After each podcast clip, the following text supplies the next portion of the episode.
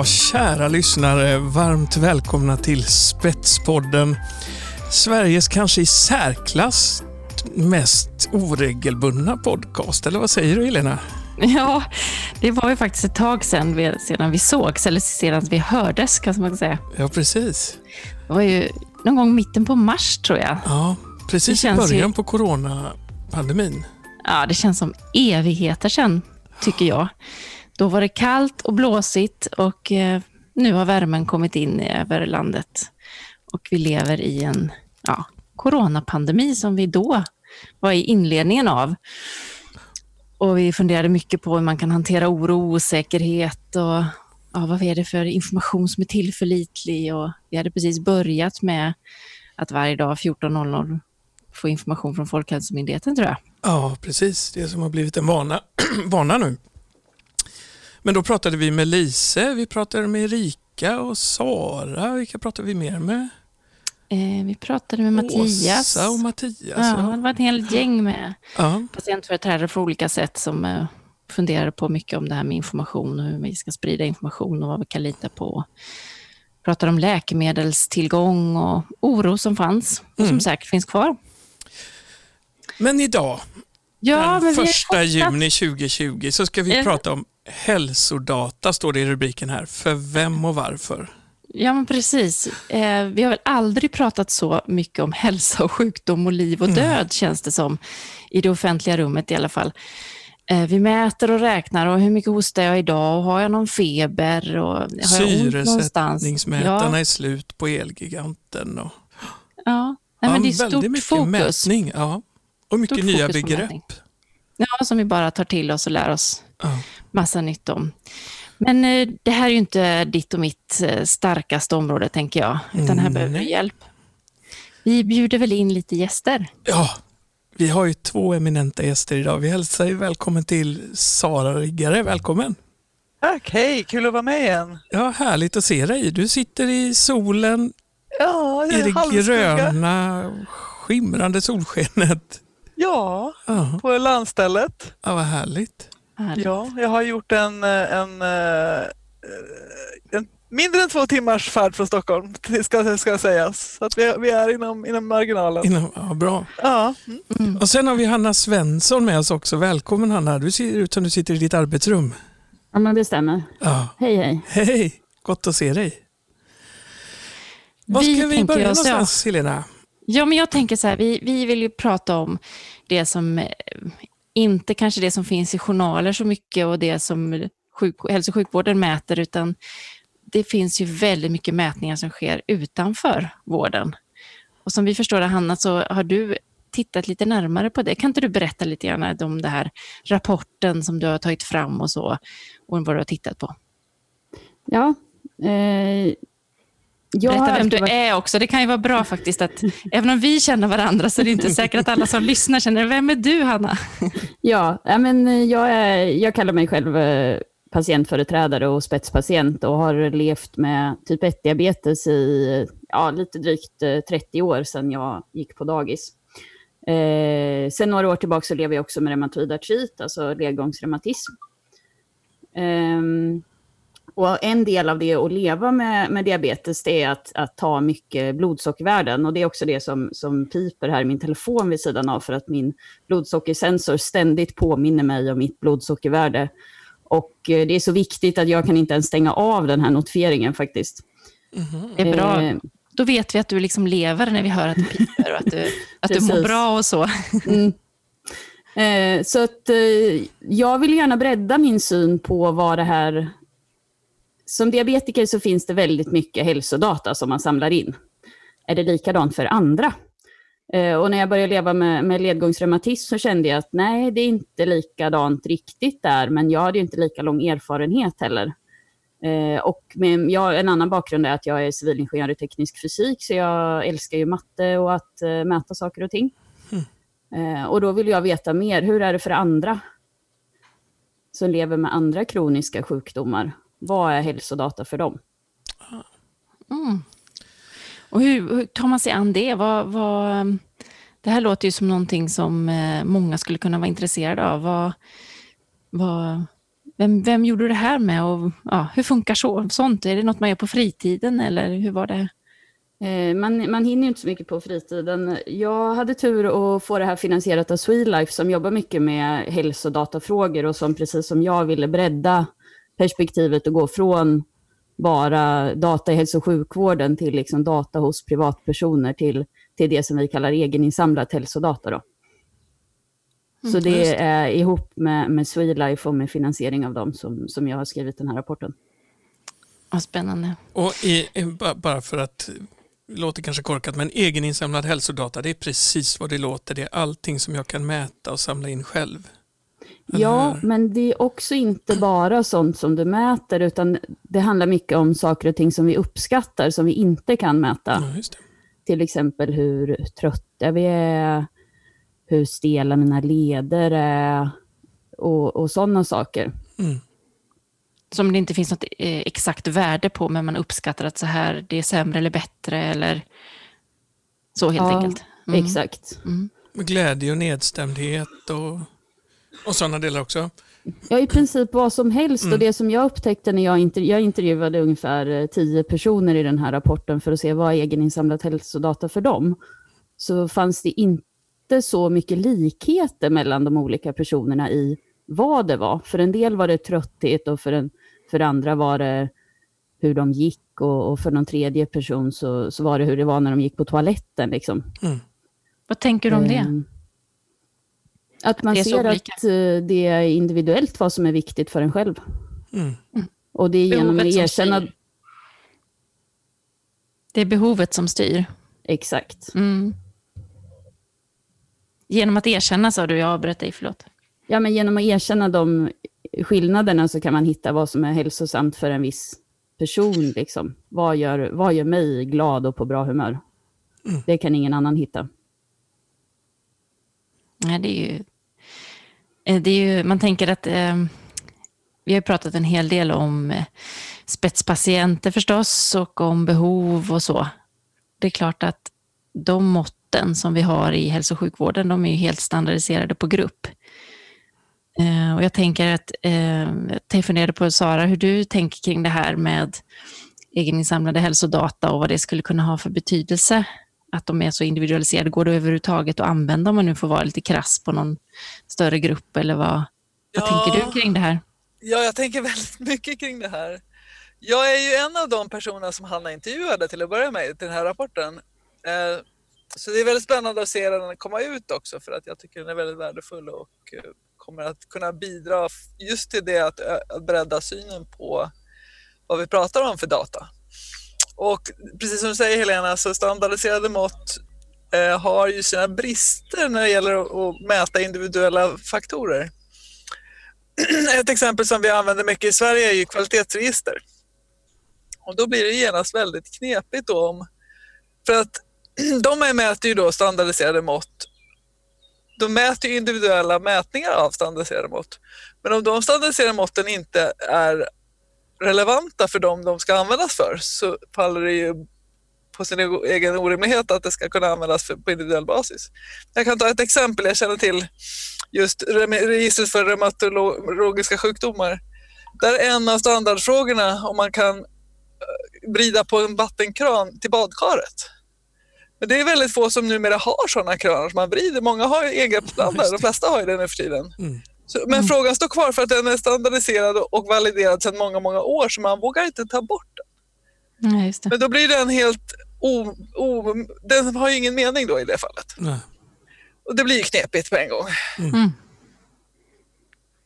Men ehm, jag tänkte på det, Hanna, vad, vad liksom var du mest förvånad över i de här intervjuerna när ni pratade om de här hälsodatan? Att folk eh, uppskattade så himla mycket grejer. Att jag, det kändes som att jag intervjuade andra diabetiker fast de hade inte så mycket mätutrustning.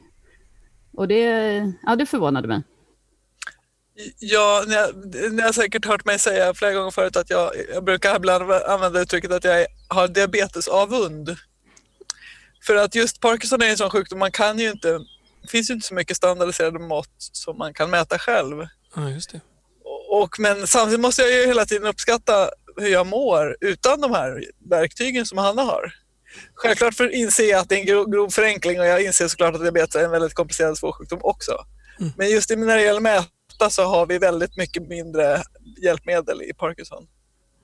Men hur kan man, Faktiskt tänka kring, nej, hur kan man tänka då kring utveckling av det? För om, om det nu faktiskt är så att vi uppskattar väldigt mycket Mm. av vårt mående, kan, skulle man kunna bygga tjänster för eller att faktiskt kunna validera, eller går det ens överhuvudtaget validera uppskattningen? Ja, det är väl en jättebra fråga. Det, det finns ju teorier för det såklart. Men det gäller, det gäller ju först att hitta ett mått som är relevant för det man vill mäta och att det också är att det, både att det mäter rätt sak och att det också är tillräckligt känsligt för det, den förbättring man vill uppnå. Så att där har ju diabetiker tur inom citationstecken att det, de det som är problemet också är, är det också har en effekt på det man mäter, det vill säga blodsocker i det här fallet. Nej, men jag, är, jag är helt säker på att man kan bygga tjänster för det här, men det man behöver akta sig för är att bygga in exakta mått.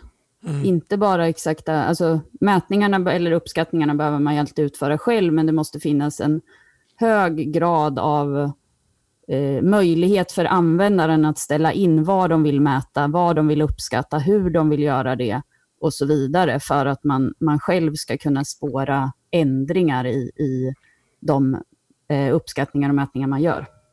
Sen var du inne på en annan sak Helena och det var det här med grupp och individ. För att det också kan vara också väldigt svårt, för om man tänker som jämför med, med sånt som man gör inom klinisk forskning. Om man har en studie på ett läkemedel till exempel, så, som är, då, då presenteras ju det som ett medeltal eller någon slags upp, uppskattning baserat på gruppnivå, statistisk gruppnivå. Men vi är ju alla individer. Så man vet, även om det statistiskt sett borde funka med ett visst läkemedel för mig om jag nu har den här, en viss sjukdom, så vet man ju inte om det funkar för mig förrän jag har provat det på just mig. Och därifrån till att hitta rätt dos, det, det blir väldigt, väldigt komplicerat och där saknas det ju nästan helt modeller för hur man ska arbeta på individuell nivå med, med sådana saker. Ja, vad tänker du om det, Hanna? Det här att individ och grupp. Vad, fick, fick du ut något av det eller hur tänker du själv kring det?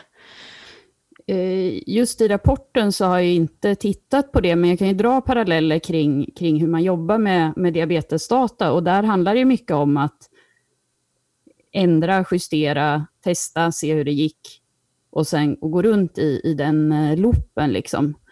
Eh, Och det tror jag att man, man måste tänka mer så som, som individ, men man behöver hitta andra delar som man kan liksom spåra om det är min hur stel jag är på morgonen för att förstå min reumatism eller om det är liksom hur lätt jag har att slå på min duschkran då. Eh, eller det som är relevant för mig. Liksom. Mm. Eh, Men att gå runt i den, den loopen är viktigt. Och eh, jag tror att man behöver utveckla fler metoder för att, för att göra det och att det är det som man också kan titta mer på standardiseringar av. Och då, Inte egentligen exakt vad man mäter, utan man ska lära sig hur man kan mäta och sen applicera det på sig själv, så att säga. Exakt. Mm. Sen läste jag något intressant faktiskt bara häromdagen. Jag höll på att läsa på olika artiklar om, om, om eh, personal science som är egentligen det nya namnet på quantified self kan man säga. Och då stod det att en effekt av att mäta saker är att man får ett så kallat, nästan som ett sjätte sinne. Och det kan jag känna igen i mig själv. För första gången jag började med, med en app för att på, för, som, bara för påminnelse när jag skulle ta min, min Parkinson-medicin. Så efter att ha använt den här, efter att ha fått de här påminnelserna, så, så utan att tänka på det så lärde jag mig känna igen känslan i kroppen när det var dags för nästa dos. Så jag, genom att få de här påminnelserna och göra de här feedbacklooparna så fick jag en känsla av eh, när, hur det kändes när, nästa, när det var dags för nästa dos. Och sen när jag har justerat den dosen så har jag varit tvungen att justera även känslan i kroppen så det har tagit ett tag innan jag har hittat tillbaka till den. Det tyckte jag var så fascinerande. Jag undrar, Hanna, kan du känna igen det med ditt blodsocker? Kan du känna blodsockret utan att mäta det ungefär var det ligger? Ja, det är ganska tydligt och jag kan också tycka att den känslan, alltså man kan träna upp den känslan. Mm, och jag går ju ibland perioder utan att mäta mitt blodsocker under en dag liksom, eller så, Mm. för att jag känner att jag vill klara av det också. Mm. Eh, jag vill inte känna panik för att jag inte kan mäta.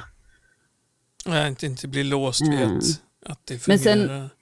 Men det kan ju vara ett problem för vissa diabetiker att de inte alls känner av. Och speciellt lågt blodsocker är ett akut farligt tillstånd, så, så alla kan Mm. inte välja att göra så. Nej.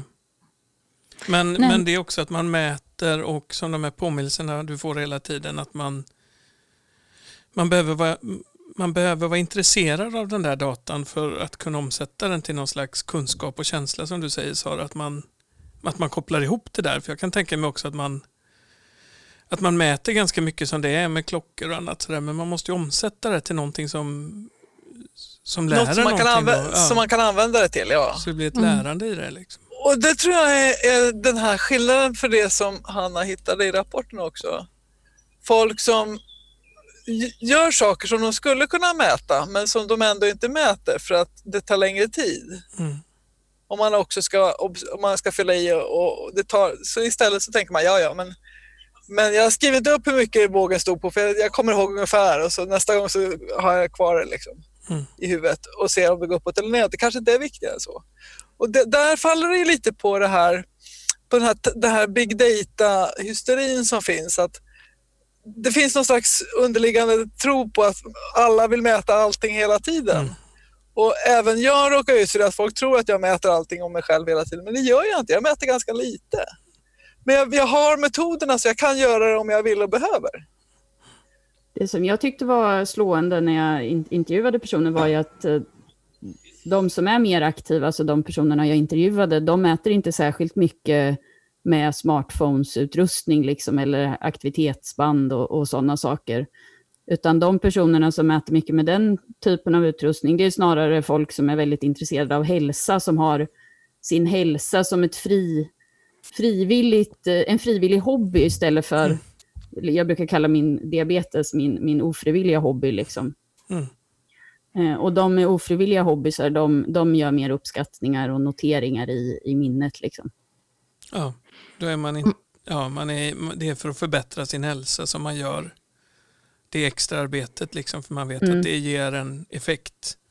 Men det finns ytterligare en faktor här också tror jag och det är det här att eh, de här verktygen som är designade produkter. För varje steg i designen så gör man beslut som, som, den som, alltså som, som produkt till de som säljer produkten sen. Som gör att man begränsar vad man kan använda det till. Man måste göra det för att göra den tillräckligt bred för, för att tilltala tillräckligt många men det gör också att, att datat blir mindre värt. Man kan, man kan inte anpassa det lika mycket. Mm. Det finns en lång rad exempel på det. Ett, ett exempel att om man, jag vet, det är flera stycken som har gjort det här, men man kan ha två olika minst eh, stegräknare på, på, på, på sig samtidigt och, och de visar helt olika saker. Mm. Och det, det, led, det är då beroende på att de tolkar, algoritmerna som finns i, i de där tolkar de rörelser som görs av, av, som den fångar upp, som den mäter, på olika sätt. Och, och ser, eh, vissa tolkar som ett steg, andra tolkar inte som ett steg. Och då blir det olika, olika resultat på de där. Men det tror jag är en, en viktig, vad man mäter och hur man mäter är viktigt att förstå jämt och att alltså jag tror att vi, hela samhället behöver få en större förståelse för mätningar. Jag läste här för typ tio minuter sedan på Facebook, några som var så, så upprörda över felaktiga blodsockermätningar. Liksom. Men allting är fel ibland och det, det, det, det gäller allting oavsett om det är stegräknare eller vår hastighetsmätare i bilen. Liksom. Eh, och då är det kanske viktigare att man eh, stegräknare är inte så himla noggranna, att man använder samma stegräknare så man alltid har samma felkällor och kan göra mer jämförelser mellan idag igår och förra veckan. Liksom. Snarare än att, att eh, mäta, jämföra med sina vänner. Och det, är säkert inte en slump i det här Hanna, att både du och jag är ingenjörer så att vi är lite extra intresserade av mätningar. Det, det blir säkert lättare då. Mm. Jag som är väldigt grön i det här har ju egentligen, eh, och inte alls är någon hobbyhälsa-person. Jag har inte haft min hälsa som en hobby. Eh, och, eh, och sen när jag blev sjuk eh, och fick bröstcancer så fick jag, får man ju väldigt, väldigt invasiv behandling. Och den är väldigt styrd av hälso och sjukvården.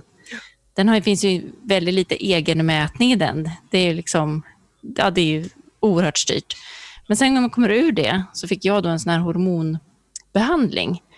Och jag kände så här att jag trivdes inte med det. Jag eh, mådde så väldigt, väldigt dåligt. Och då, Sara, då hjälpte ju du mig att faktiskt säga att ja, men det där kan du ju börja mäta. Och det hade ju aldrig jag kommit på om inte jag hade haft någon runt omkring mig som kunde ge en sån feedback. För det kom ju inte från hälso och sjukvården när jag sa att jag mår så dåligt av den här medicinen, finns det någonting annat? Ja, nu är ju det här det bästa som man kan ta, så att det kanske är så att du får ta det. Okej. Okay. Um, ehm, och så började jag fundera på för och nackdelar och fram och tillbaka och det där är ju jättesvårt med sannolikhet och fram, ja, hur mycket ska man riskera och så vidare. Det är återigen individ och grupp. Ja, men det är ju det, för på gruppnivå så var ju det där några siffror, men för mig så var det på något annat sätt. Och så började jag mäta och testa det där. Och Eh, fick ju fram då massa siffror där jag uppskattade och satte några siffror för mig bara som jag tyckte var, kändes relevanta. Men då när jag mötte vården i det, då var de så här, jaha, oj, har du lagt så mycket tid på det? Har, har, du? Ja men, ja, men det är klart, jag, då kan jag ju förstå att om du mår så här. Ja, för då hade jag ju lite mer svart på vitt. Jag kunde argumentera för min sak på ett annat sätt. Men jag tänker, det där är ju inte... Men det var verkligen så. Jag ville bara göra det under den tiden. Jag ville bara göra det för min egen skull, för att jag skulle kunna ha... Själv veta vad är det som gör att jag mår så dåligt och så vidare. Så långt jag nu kunde komma i det. Och Det är min erfarenhet också där du beskriver att om man kommer med siffror, det kan vara vilka siffror som helst, då blir det på allvar för vården. Ja, det är också är det lite så? absurt. Ja, jo men det, så är det. Mm. Och så, diagram är ännu mer imponerande. Och det är inte min uh, upplevelse. Äh? Men det är jag intressant. som har uh, levt med väldigt mycket siffror uh, länge. Det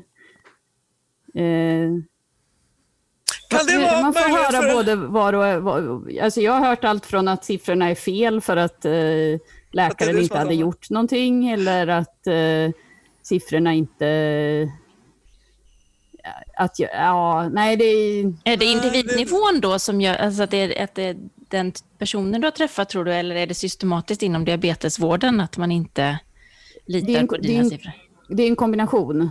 Alltså det, visst, det är mycket på individen hur den, den lyssnar och så, men det handlar ju också mycket om systemet och att det inte finns, det finns inte ett system för att lita på mina egenmätningar. Det är ingen struktur och, för det, att ta emot dem. Nej, och sen så, så fort visst, vi har en siffra på blodsockret, men vi har inte en siffra på vad jag har ätit till exempel. Och då ska man ha en förståelse för mitt minne av vad jag har ätit. Och där har kanske förståelsen snarare varit att jag säger att jag kommer inte ihåg vad jag åt till middag i förrgår. Och de, och de frågar liksom tre gånger, men jag kommer fortfarande inte ihåg. Så att jag har ingen siffra och jag blir pressad på siffran istället. Liksom. Mm. Så... Säg alltid spagetti och köttbullar eller något sånt där. Säg, du, liksom, du får något standardsvar som du... ja, men jag provade, det, det jag provade en vecka att bara äta färdiglagad lasagne portionsförpackad från, från Ikea. Vad hände? Eh, jag kunde svara på frågan. men, men, men, men förändrade det ditt mående på något sätt? Blev dina blodsockervärden lättare att förutsäga? Nej, men analysen blev lättare att göra så att jag kunde lättare se hur påverkas jag av den här standardiserade middagen. Att det blev och, liknande då från dag till dag? Ja, precis. Nej, ja. ja. och att jag då lättare kunde se andra saker som ju, ju var svårare att mäta. Ja, jag liksom ja. förenklade en del av livet och kunde analysera vad de delarna som jag inte kunde förenkla påverkade. Just det, du, begränsade, du begränsade antalet variabler. Exakt. Just det, vad intressant. Det där, är ju, det där är ju avancerat och så kanske lite grann att man tröttnar på på lasagne. Och liksom den delen kan ju få ja. se en Nu finns det också andra det varumärken utan att inte hänga ut bara en, utan det finns nej, andra som nej. inte heller gör det så bra. Ja. Men det var ju liksom det, jag var ju tvungen att välja en sort. Mm portionsförpackad mat från ett ställe, då hade jag ju mm. samma näringsinnehåll i alla måltider. Ja, och så fick du inte äta några grönsaker heller, för då blev det fel. ja, men lite grönsaker åt jag nog. det låter rimligt faktiskt. Ja. Men jag tänker på det, Nej, det du sa, Helena, en reflektion kring det. Det är ju just det som, som du lyckades göra med, med Saras hjälp som vi behöver mer liksom standardiseringar och mer procedurer för att man ska få hjälp från från hälso och sjukvården och inse att du kanske kan göra så här för att se hur du mår. Liksom. Mm. Men är det inte det som vi, nu bara som slog mig, vi, vi sitter och planerar för nästa tisdag. Eh, då det är vad är viktigt för dig-dagen. Jag tänker att det handlar ju hela tiden om vad man får för frågor. I relation Och- till vad man mäter och, på, och vad... Ja, och Ja. också vad, vad, vad man tror att de som, får, frå, som ställer frågorna är beredda att göra med svaret. Ja, För det, för det styr ju vad man svarar. ja precis. Ja, för att man får frågan, men vad är viktigt då? Ja, Men det här är viktigt för mig. Ja, och hur kommer vi dit? Ja, Så om man måste ju då vara beredd på att, att ta ansvar för att guida, stödja och vad det nu kan vara vägen dit. Och det, det är min, tyvärr, upplevelse från generell, generalisera grovt av vårdens bemötande på det, är att de är inte beredda att göra så mycket med det jag säger. Så då, då begränsar jag ju vad jag säger är viktigt för mig. Plus att det finns ju forskning gjord på det som visar att om en läkare med läkarkläder, läkare och säger, frågar en patient vad är viktigt för dig? Och säger en person med diabetes, då säger de ja, ett, ett, ett lågt HbA1c. För de svarar liksom i den kontext där de tror att personen frågar. Just det. Medan som man en tror annan att man kan person- få hjälp med. Kanske. Ja, ja, exakt. Men som en person som inte är så tydligt läkare frågar så kanske man säger ja, att kunna gå ute i solen med en glass eller vad som helst, då ser man det på ett helt annat sätt. Mm. Så man svarar ju i den kontext där man tror att frågan ställs. Men vad ser vi framåt då? Vad är liksom... Vad är nyttan förutom för individen? Kan det finnas en nytta även för samhället och av det här? Va? Ledande måste, fråga. ja, men vi måste ju ändå tro på att det här liksom Ja, är... men självklart finns det en nytta för, för både, på, på, förutom individer, också för grupp och samhälle, självklart. Men då måste ju arbetssätten vara på ett annat sätt än de är nu. Ja, men om vi tar de stegen bara, för jag, det satt jag tänkte på lite tidigare. Mm. Vad, man mäter själv, man lär sig mycket av sina mätningar och får eh, ett bättre liv på grund av att man mäter. Man kan få stöd i det och så vidare och massa kunskap. Nästa nivå, man behöver ju sammanhang. Jag tänker på som du sa, att det är skillnad Sara för dig som, som, som har Parkinson kontra diabetiker. För då har man Mm så tydliga mätetal på något vis. Etablerat och enkelt På och tydligt. skulle ja, på gott och ont. Men communityn runt omkring har du pratat om Sara. Det har du också pratat Ja. om Anna. Det är ju någonting också för en själv. Men Mm. där man också kan bidra till andra och få ett sammanhang. Hur ser det ut där Anna? Har ni pratat något om det? Eh, Jag har inte pratat om det så, men jag kan ju relatera. Så den här ofrivilliga... En, att utföra en hobby är alltid roligare ihop med andra, Ja. eh, enligt mig i alla fall. Även om den Eh, är och- ofrivillig så att säga. Vad sa du? Även om den är ofrivillig hobbyn. Exakt, Ja. och, och det ger ju mig glädje i att ha diabetes och kunna hänga i, liksom, i Facebookgrupper och diskutera, kanske inte världens roligaste problem, varför jag alltid får lågt blodsocker när jag promenerar till lunchrestaurangen, men, men diskussionen och sammanhanget är, är kul, liksom, och det märker man ju från flera personer att de, ja, men det bästa deras sjukdom har gett dem är, är deras sammanhang i en förening eller på Facebook eller ja, vart som helst. Liksom. Mm. Det, man mår ju bra av att kunna hjälpa andra. Det finns ju en, Mm. en, en, en hälsoeffekt i att både vara användbar för sig själv men också vara i ett sammanhang och hjälpa andra. Mm. Så det finns ju förklaringar till det tänker jag också, det här. Ja, det är som ni tog upp i spetspatient i rapporten där med att den största anledningen till att man engagerar sig så eh, handlar inte så mycket om den egna hälsan utan att det var mycket för att kunna hjälpa andra. Att det finns en mm. att det stärker ett gott liv också för att vara behövd och, Ja, och känna ja. att man kan hjälpa andra. Och att utveckla sin kompetens, det, sin kunskap är ju också ett sätt att, att, känna, att känna att man har autonomi och kontroll över det man gör. Mm. Och tyvärr får man ju sällan utlopp för det i vården. Det blir ju tack och lov vanligare och vanligare att det händer att de är intresserade. Men fortfarande är de ganska tröga som om man ska dra dem över en kam. Mm. Men vad behöver eh, samhället förändra för att, för att bättre dra nytta av egenmätningar och det jobbet som vi gör i våra frivilliga och ofrivilliga hobbys och Ja. i den data vi samlar om oss själva? Behöver Man behöver ju se på kunskap på ett annat sätt.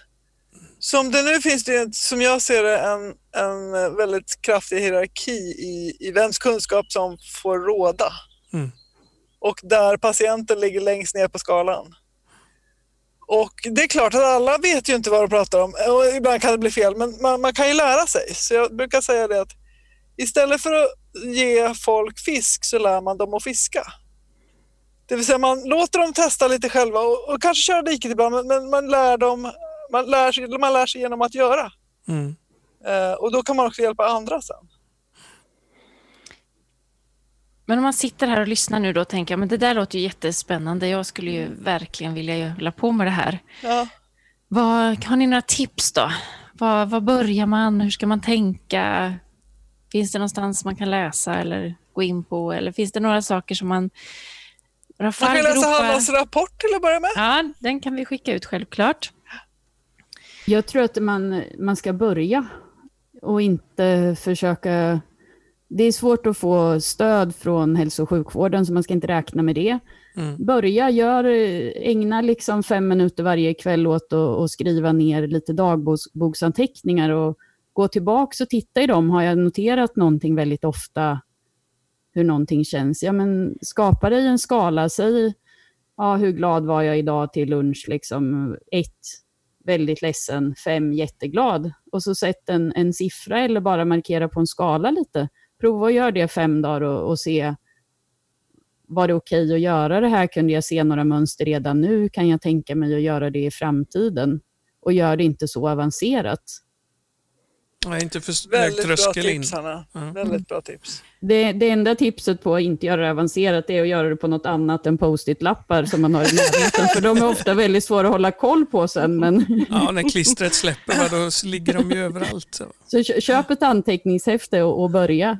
Ja. Eller Vill man- anteckna ett mejl eller vad som helst.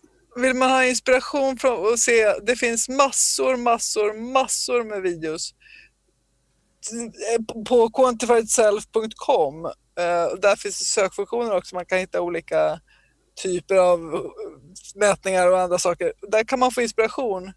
Men det kan också vara lite övermäktigt för de- är ganska långt fram många av dem som pratar där och- och det, allt är på engelska.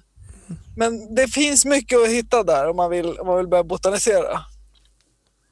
Jag tänkte han- läsa, läsa lite om PDSA-cykler som är liksom Ja, sådana här ja. kontinuerlig förbättring och se hur kan jag göra det här då? Ehm, det finns en enkel eh, artikel på Wikipedia på svenska. Just det, där kan man Vad står PDSA för? Plan, Eh, Do, Study, Act va? Exakt. Ja. Plan, planera, göra, studera, agera. Mm. Just det. Och så går det om Om- igen. Och så Och så igen. om och om igen, tar Runt, aldrig runt, slut. runt. Nej. Runt, runt, runt. Men vi pratar nu om ja, men man har ett anteckningsblock. Det, är ju väldigt, det låter ju härligt. Men om man nu är lite prylintresserad då. Hanna, vad använder du för några prylar? Om du nu använder några, eller finns det några? Det finns ju faktiskt de som är väldigt prylintresserade och tycker att det är roligt. Finns det någonting som du kan rekommendera där? Eller? Jag fastnar alltid i att jag inte kan se mitt blodsockervärde på samma ställe som, som eh, mitt pulsdata. Så jag liksom kommer inte längre. Men jag använder i alla fall eh, det som, som jag har i telefonen, alltså att jag räknar steg och, och, och sånt. Men eh, jag tycker väl inte att det är det som ger mig mest insikt. Nej, utan det är dina, den, den ordinära liksom, blodsockermätningen. Vad gör du för RA? Eh, Där, där uppskattar jag mer varje dag hur jag mår när jag vaknar, liksom, men jag antecknar inte det någonstans. Nej, just det. Mm. Sara, vad använder du för teknik? Ja, jag köpte ju faktiskt min första Apple Watch. Det, jag har fortfarande kvar den. Det är en, en version 1. Så den börjar ju ha några år på nacken. Den tickar på och håller väldigt bra. Och då trodde jag ju att jag skulle använda den till allt möjligt att mäta. Men det gör jag inte. Den, den samlar ju puls då regelbundet, för det gör den ju. Och ibland går jag in och kollar där, men jag använder det inte särskilt regelbundet. Och jag blir så irriterad på, på att stegräknaren inte fångar steg när man går med rullator, för då svänger man inte på armarna. Så jag, så jag blir lite, jag är lite anti det faktiskt. Ja. Du får sätta den på Eh. vristen istället. Ja, det är en tanke, men då är det så svårt att se vad klockan är. Ja, precis. Det, kan du fråga dem du möter. Ja, kollar på telefonen. Ja, nej, men men så, alltså, det jag har... Eh, börjat med, jag har, jag har ju aldrig förut någonsin vetat vad, vad min kroppstemperatur varierar mellan förrän det blev en coronapandemi. För man blir ju lite, lite sådär, lite skensjuk. Mm. Och då har jag liksom gått och stoppat på termometern i örat och kollat. Och, och det är ju faktiskt ganska intressant att, att ha det, det basvärdet, det, det baslinjen. Det har, man inte, det har jag inte haft förut. Ja, men det är faktiskt en sak som jag gör för min eh, RA, att, att jag mäter kroppstemperaturen. För jag att har se mätt, eh, information.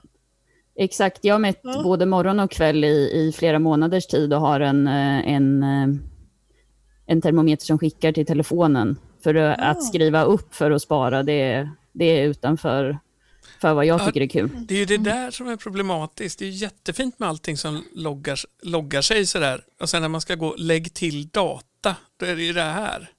När man ska klicka i själv och fylla i, då blir det ju motigt med en gång. Men Hanna, kan du se att det är kopplat på något sätt till, till någon allmäntillstånd så att du kan ko- korrelera det till någonting du själv kan uppleva? Temperaturen tänkte jag i kroppen. Eh, mindre än vad jag trodde faktiskt. Ja, det är ju intressant i sig. Så jag ser mer skillnad på kroppstemperatur på förmiddagen och, och kvällen än vad jag ser på hur jag mår. Intressant. Ja, då beror det på något annat då kanske. Så det här som jag trodde var en, en känsla av feber är snarare en, en känsla av lite värme i, i huden som inte syns på febertermometern. Ja, intressant.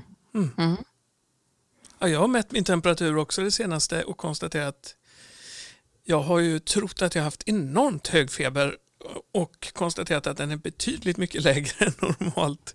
Så det är väl någonting som jag får hålla på med ett tag innan jag har lärt mig att tolka min kroppssignaler. Jag vet inte om jag har sagt det här förut i någon spetspodd, men i så fall säger jag det igen. Den, den termometer som användes för att göra mätningarna som är baserade på normalt kroppstemperatur, som normalt kroppstemperatur är, är baserat på, Mm. Den var felkalibrerad. Underbart. Det är en hel värld nu då som går omkring och tror att de har feber. Ja, precis. Eller inte. Eller inte. Ja, för 37 grader är inte riktigt... Nej, och det är väldigt individuellt där också. Ja. 37 för någon kan vara feber för någon annan. Ja. Ja, men det är ett bra exempel faktiskt. Vi- pratade om det häromdagen, några kompisar. Vi satt en bra bit ifrån varandra utomhus och pratade och konstaterade att alla vet hur fel deras hemmatermometrar är. Ändå tror man på den. Nej, men man, man drar av och lägger till. Ja, För man vet, familjen tar temperatur med samma termometer.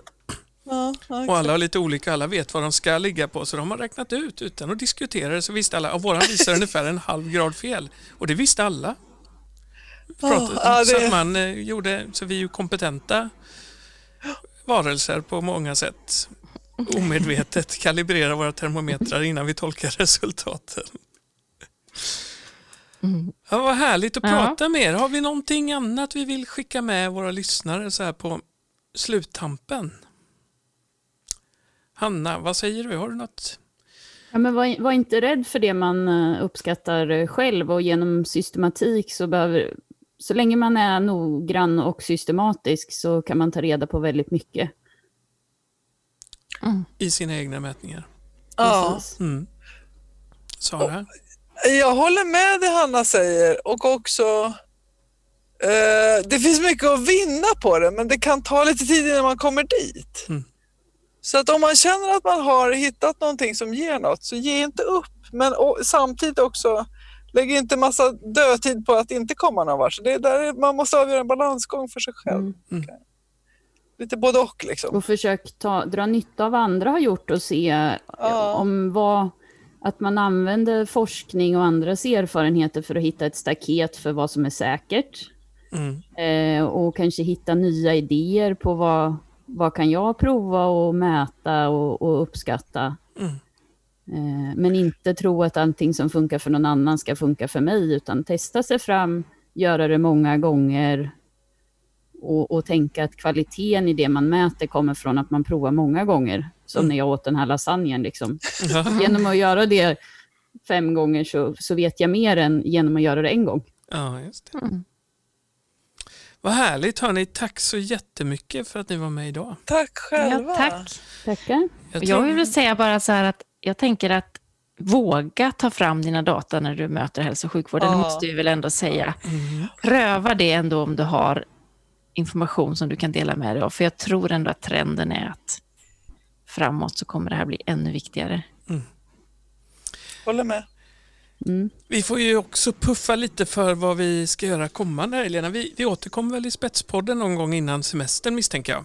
Ja, det gör med vi. ett- någon liten sommarspecial. Men vi har eh, redan nästa vecka så har vi nämnt vad är viktigt för dig-dagen på tisdag den 9 nionde. juni. Ja, 9 juni 15.00. och då är det en livesändning på, och den hittar man på Ringla, nära vård på Ringla. Där Mm. kan man hitta livesändningen va? Ja, Och sen på måndag så ses vi ju igen Sara. Då ska vi ju spela Ja. in ett, ett program. Ett helt nytt Ja. program som heter Runt hörnet. Ja. Och där ska vi ju spåna och spekulera och inte ta ansvar för vad vi säger utan fundera vilt om framtiden, tänker jag. Mm. Mm. Eh, naturligtvis väl förankrat i nutiden, men vi ska ju, eh, där träffar vi dig bland annat och Stefan Jutterdal, Bodil Jönsson, Madeleine Berman och Lisbeth Löpare Johansson. Och Lars, Lars Liljedal. Liljedal, ja, precis. Ja, ja. Så det ser vi fram emot. Det är premiär också den nionde Ja. för det programmet. Eh, men som sagt, ha det så gott på er och eh, var rädda om er. Vi hörs. Detsamma, detsamma. Tack för idag. Tack, tack. Tack, tack.